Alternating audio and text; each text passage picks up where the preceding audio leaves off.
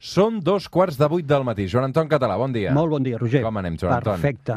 Quants minuts falten perquè surti el sol? 9 minuts, sortirà a les 7.39. A les 7.39 tenim el sol, això vol dir que quan és diumenge al suplement la Terra és plana.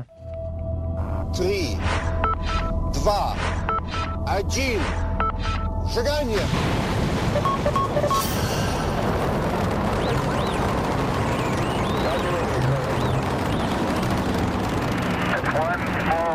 For man, one giant leap for mankind. Joan Anton, com va la vida? Perfecte, perfecte. Escolta'm, uh, m'han dit que aquests sopars amb estrelles que fas allà a l'Observatori Fabra uh, estan causant sensació. Tanta sensació que... Home, no, no, no ho diria així. Uh -huh. O sí que causen sensació, però no és per, pas per mi, és perquè és una activitat molt maca. I, i s'allarga, no? No només serà l'estiu. Sí, de fet, eh, ho farem també els caps de setmana. És una activitat que no, té, no es fa amb sopar, és un format que ja existia, però llavors m'han demanat que hi participi, jo amb molt de gust els he dit que sí. Mm. Llavors els fem els divendres i els dissabtes, sense sopar, llavors és visita, xerrada...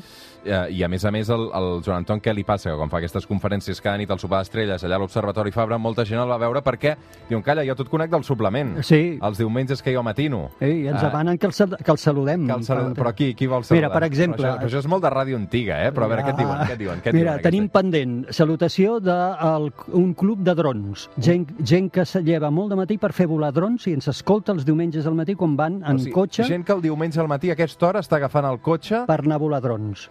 Clar, perquè a més això, ara que està regulat, no ho pots fer volar segons com. Suposo que no. Molt bé. Eh? Ja ens doncs escolta. una abraçada als dronaires. Molt bé, llavors, una altra, la, que m'han dit, per sobretot la gent que ens, també ens llevem d'hora per jugar a pàdel. A per pàdel. jugar a pàdel. Mira, com l'Aznar. Una, abra... Home, no. una, abraçada, una abraçada també a tots els això. jugadors de pàdel que a aquesta hora aneu cap a la pista. Exacte. Uh, molt bé, Joan Anton, doncs una abraçada ben forta també amb aquests sopars amb estrelles que s'allargaran durant l'hivern. Dit això, dit això, deixa'm que et posi en situació. En arribar la tardor, certesa que la farien mamar. Perquè avui és 22 de setembre de 2019, què vol dir que avui s'acaba l'estiu, d'alguna manera. Demà Mhm. comença la tardor, oficialment, eh, aquesta tardor que arribarà, eh, en aquest cas, no sé quina hora, Joan A Anton. les 9.51 del matí. De les 9.51 del matí. Per tant, ens queden 24 hores de- d'estiu, aquest estiu que aquest cap de setmana també s'ha produït amb, amb, amb pluges. Um, a veure, què vol dir aquesta arribada de la tardor, Joan Anton? Doncs, com alguna vegada hem parlat en el programa, degut a que l'eix de la Terra està inclinat, tenim estacions de l'any, i l'entrada de la tardor, que n'anomenem equinoxi de Mhm. tardor. Equinoxi vol dir una paraula que vol dir igual durada del dia de la, i que de la nit. Per tant, demà, dia 23, el sol sortirà exactament per l'est i es pondrà exactament per l'oest, cosa que només passa dos vegades a l'any. Els dos equinoxis, el de primavera i el de tardor. I el dia i la nit duraran exactament igual. Això és l'equinoxi. I un cop hem passat aquest equinoxi, què passa als dos hemisferis? passen coses que són inverses. En el nostre hemisferi començarà tardor i hivern, vol dir que el sol cada cop sortirà una mica més cap al sud, seguirà sortint per l'est, però cada cop una mica més desviat cap al sud i descriurà al cel un arc que anirà més baixet i el dia s'escurçarà. Això és el que ens passarà a l'hemisferi nord. Uh, per inversa, a l'hemisferi sud s'hi passarà el contrari. El sol cada cop es- es, uh, s'elevarà més en vertical i el dia allà s'allargarà, anirà durant més que la nit. Tot això, recordem-ho, ho hem explicat també altres vegades, passa perquè l'eix de la Terra està inclinat, Joan Anton. Ah, Exactament, i aquesta inclinació de l'eix el manté, manté la mateixa orientació d'aquesta inclinació al llarg de tota l'òrbita, de forma que hi ha uns moments que aquest eix fa que un dels hemisferis estigui més encarat cap al Sol, que no més a prop, no té res a veure amb la- amb l'allunyament la, o, la, o la distància al Sol, sinó amb com està encarat com el ratjo s'arriba en vertical i al cap de sis mesos aquest eix fa que sigui l'altre hemisferi el que està més ben encarat cap al Sol perquè els ratjos de Sol hi arribin en vertical. Uh -huh. Joan Anton, quan aquí és hivern, Mm. alerta amb la pregunta, eh? Molt perquè bé, sembla veure, senzilla però no ho és tant. Quan aquí és hivern, és quan estem més a prop del Sol? Perquè això sembla Sí. un contrasentit. És, és, sembla un contrasentit i d'alguna forma ho seria. Efectivament passa això.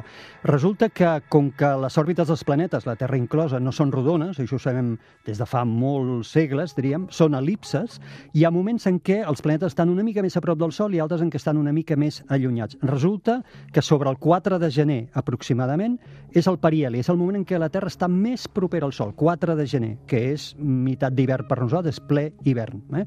Això és una comprovació del que et deia abans, que les estacions estacions de l'any, el cicle d'estacions, no té res a veure, no guarda cap relació amb la proximitat eh, en el Sol, perquè justament quan aquí és hivern, a l'hemisferi nord, resulta que estem en el, en el punt més proper a la Terra. Per més proper al Sol, perdó. Aquesta és l'explicació científica, eh? Exacte. Um, a l'hemisferi nord, quan duren les estacions?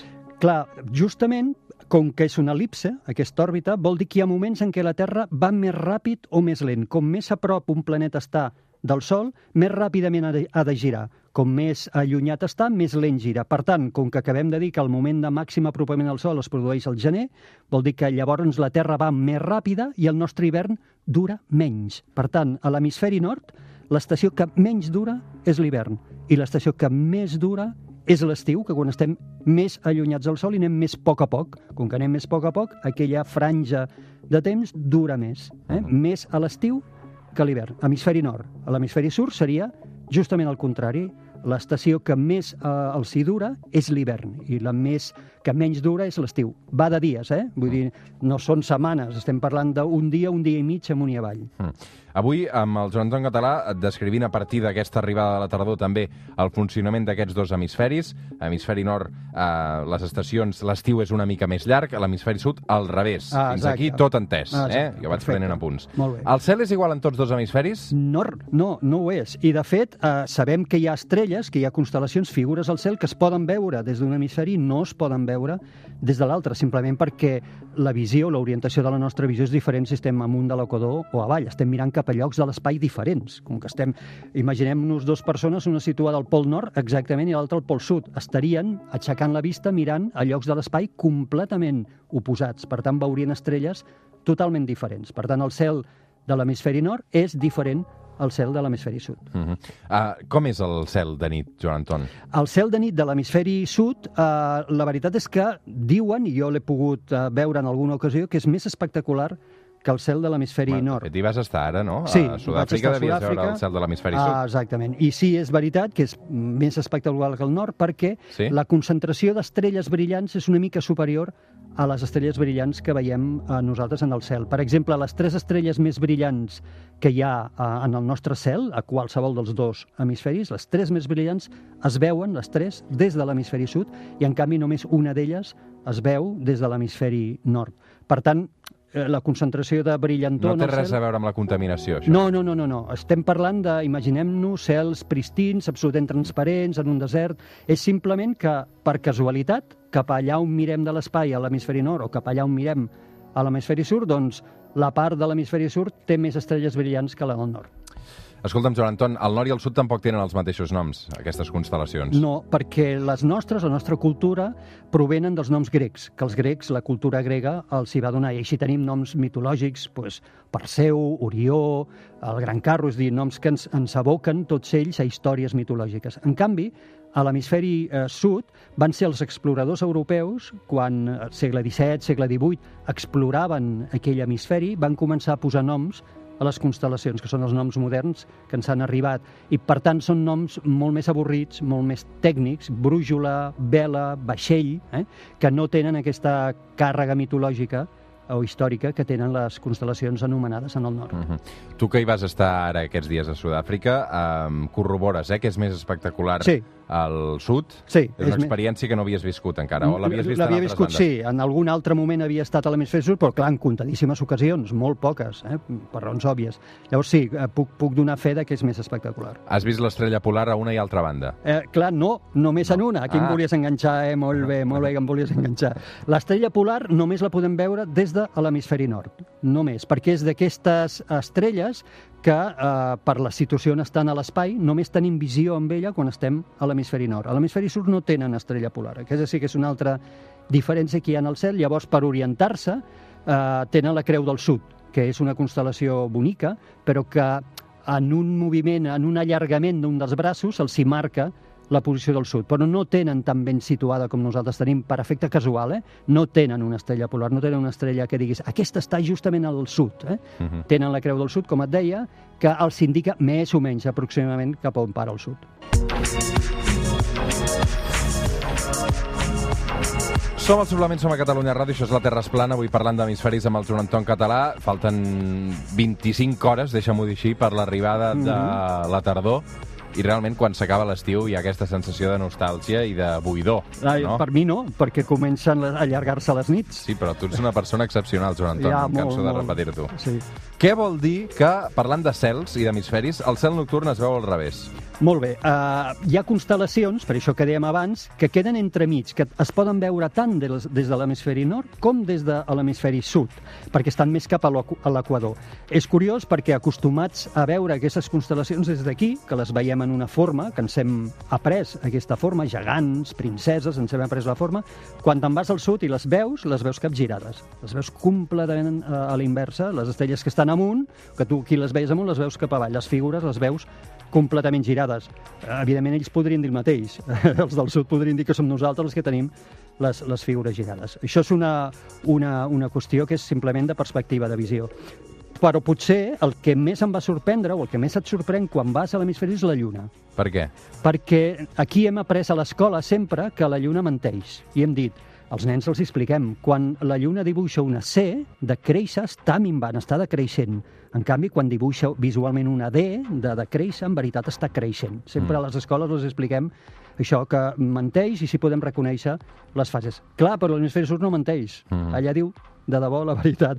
I llavors una C dibuixada visualment és que creix i una D és que decreix, que minva. I això et sorprèn quan mires la lluna i dius jo sé que avui és creixent perquè ho sé i en canvi m'està dibuixant una figura que no estic acostumat a veure-la Mhm. a l'hemisferi nord. Abans, abans de passar el dia, eh, parlant de la Lluna, l'altre dia vaig descobrir una cosa que em va fascinar bastant. Eh, tenim, hem fet un viatge a Berlín amb el suplement, Mhm. de seguida sabreu per què. Eh, la Lluna, en alemany, Sí, és, és masculí, masculina. masculí i el correcte. Sol és femení. Femení. Sí, això, això del cinema està molt bé perquè t'ensenya molt sobre les cultures dels països. Clar, perquè nosaltres sempre hem personificat la Lluna com a Clar, femenina i el Sol alemanys com a és- masculí. I amb els alemanys passa totalment al revés. Deamunt, que vol dir és masculí, i Die Welt, que és, uh, és uh, femení Ja ho sabies, eh? això veus, jo t'ho volia explicar i no, no he Bueno, pogut. és que vaig estudiar alemany, Vas, eh, parles d'alemany? a Invisen. Una mica, molt malament. Molt bé. Doncs déu nhi el tipus de cartòfen que tenen, eh? Sí, perquè la cuina, tu saps que aquests dies la cuina no, no, no és el seu fort. Vull No, dir. no diríem que fos el seu fort. I en no. canvi, quan tu vam anar un parell de, amb l'Oriol Serra, corresponsal d'aquesta Mhm, casa, TV3 mhm, i Catalunya Ràdio, ens va portar un dia a un restaurant eh, alemany i res, o sigui, és un tros de carn amb el que varia és l'acompanyament. I la manera com preparen les patates, Sí, n'hi ha diverses de maneres. n'hi ha diverses. Sí, sí, ho tenen ben, això ho tenen ben Quina ben és la teva preferida? Uh, fa molts anys que no viatjo. No m'ho faci dir perquè quedaré fatal. A més, no és el meu fort la cosa de la cuina. No Molt bé, va. fort. S'ha acabat la nit i quan s'acaba la nit es fa de dia. I de dia, el suplement de Catalunya Ràdio, quan es fa el sol, sona així. Això és un sol que enlluerna, Mm, Sí, d'acord? molt bé, Posem-nos ja, ja cas. m'he posat les ulleres. S'ha fet eh, de dia. Com és el cel de dia? Val, uh, en principi seria similar, però hi ha alguna cosa que també ens sorprendrà, que és que les, al migdia les ombres dels objectes d'un arbre, per exemple, ens senyala en direccions oposades, si estem a l'hemisferi nord que si estem al sud. En l'hemisferi nord, el nostre, al migdia solar, les ombres dels objectes ens apunten cap al nord. A l'hemisferi sud, les ombres dels objectes al migdia apunten cap al sud, la qual cosa és una bona forma també d'orientar-se. A vegades li explico a la gent, si mai estàs perdut en un bosc o el que sigui, no tens brújula, no tens forma d'orientar-te, mira les ombres dels objectes, dels arbres. Si més o menys ets aproximant cap al migdia, aquestes ombres t'apuntaran cap al nord, aproximadament. Però cura, perquè si estàs per sota de l'equador, t'apuntaran en sentit contrari, t'apuntaran cap al sud. Mhm. Una de les diferències, sens dubte, entre aquests dos hemisferis eh, també és el clima. Sí. Joan Anton, on fa més calor, on fa més fred? Eh, Fa més calor, eh, estadísticament, això s'ha estudiat, estadísticament una miqueta més de calor a l'hemisferi eh, nord. Estem parlant... Més que- calor a l'hemisferi nord. eh? Doncs jo Estem- t'hagués dit al revés. No? Doncs no, mira, i estem, estem parlant de mitjanes que només són de diferències de 1,5-2 Mm. graus, eh? tampoc estem parlant de... Però bueno, 1,5-2 graus de mitjana ja és, ja es nota. L'hemisferi nord són més càlides, el clima és una mica més càlid que l'hemisferi sud. Per què passa això? Perquè al sud tens Àfrica, no? Sí, eh, s'ha descobert... Bueno, Àfrica pensa que l'Equador passa més o menys cap al mig. S'han discutit durant molt de temps moltes teories, eh, o moltes hipòtesis. Una primera d'elles és que si tu mires un globus de, de la Terra, veuràs que la major part de la massa de Terra està a l'hemisferi nord i la major part oceànica està a l'hemisferi sud, per un Mm. efecte casual. Eh? Llavors, eh, vol dir que més terra al nord, la Terra s'escalfa més que el mar. És més ràpid en escalfar-se que el mar que té una inèrcia. Això podria ser una raó. Segona raó, s'ha parlat de l'Antàrtic. Hi ha una gran massa de gel a l'Antàrtic que té la propietat de reflectir cap a l'espai molta de la llum del sol que rep. Això ajuda a refredar-se l'hemisferi sud. Això no ho té al nord. Però aquestes dues raons que s'han anat estudiant, sembla que n'hi ha una tercera que té molta més importància que aquesta, que és les corrents a l'oceà Atlàntic. Corrents que es produeixen a l'oceà Atlàntic i que transporten aigua càlida dels tròpics cap a dalt al Pol Nord i ajuden a que s'escalfi aquest hemisferi. On, on plou més? Plou una mica més a l'hemisferi nord, una altra vegada pel mateix, perquè com que les temperatures són lleugerament superiors a mitjana, allà es produeixen més evaporació i, per tant, més tempestes i més pluges a l'hemisferi nord. Uh -huh. uh, I al nord també hi ha més fenòmens atmosfèrics com podrien ser huracans, per exemple. Molts més, molts més per la mateixa raó. Eh? De fet, eh, quan ens parlen de l'huracà, no sé, eh, l'Andrea, o que els hi posen aquests, aquests noms, no? i els veuríem a, a, al mapa i els veuríem que van tots per sobre de l'equador. Quasi tots, quasi tots van per la part per l'hemisferi nord. Uh -huh. Molt, molt, molt, molt, molt interessant sempre tot el que ens explica el Joan. Anton Català. Uh, escolta'm, anem acabant, però abans...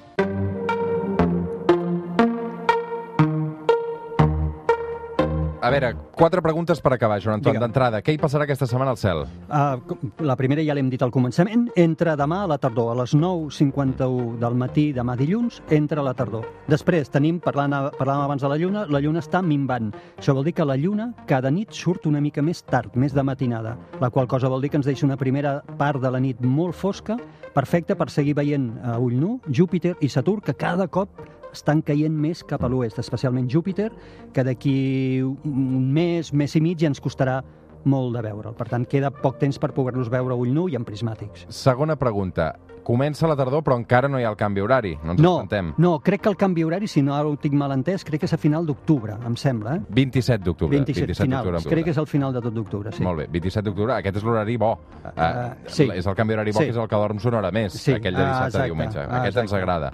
Uh, tercera pregunta. Vaig llegir l'altre dia Hmm. que s'ha descobert un cometa que podria venir d'un altre sistema solar. I Ahà. calla, això al Joan Anton li preguntaràs quan vingui. Doncs pues mira, és espectacular.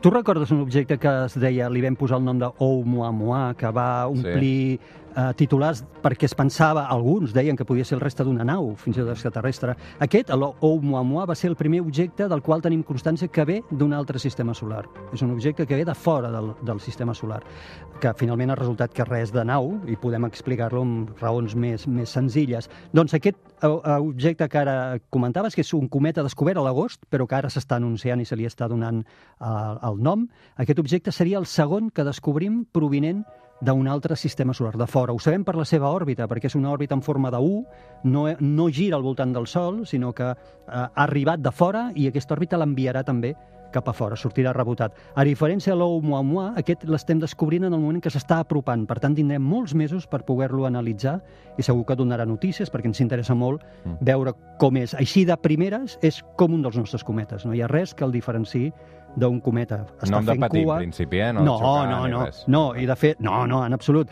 Avui justament, eh, aquesta setmana, aquesta setmana piulava eh, una, desmentint una notícia que ha sortit molt a les xarxes socials, que és que a l'octubre ens havia d'impactar Mhm. un asteroide i aquest tipus de notícies surten constantment i no, és absolutament fals, no hi ha previst cap gran impacte d'aquests grans, quan dic és catastròfic, eh? durant els propers diríem milers d'anys dels subjectes que coneixem, dels que coneixem no hi ha previst cap eh, impacte catastròfic. Joan Anton Català, una abraçada ben forta. Gràcies, igualment. Eh, que vagi molt bé aquest diumenge. També una abraçada a tots els que esteu anant a jugar a pàdel o els que aneu a passejar el dron. Molt bé. Uh, ens retrobem diumenge que ve a la Terra Esplana també arroba estels i planetes podeu recuperar també tots aquests continguts arroba el suplement, allà els trobareu gràcies Joan Anton Gràcies a tu. pausa i tornem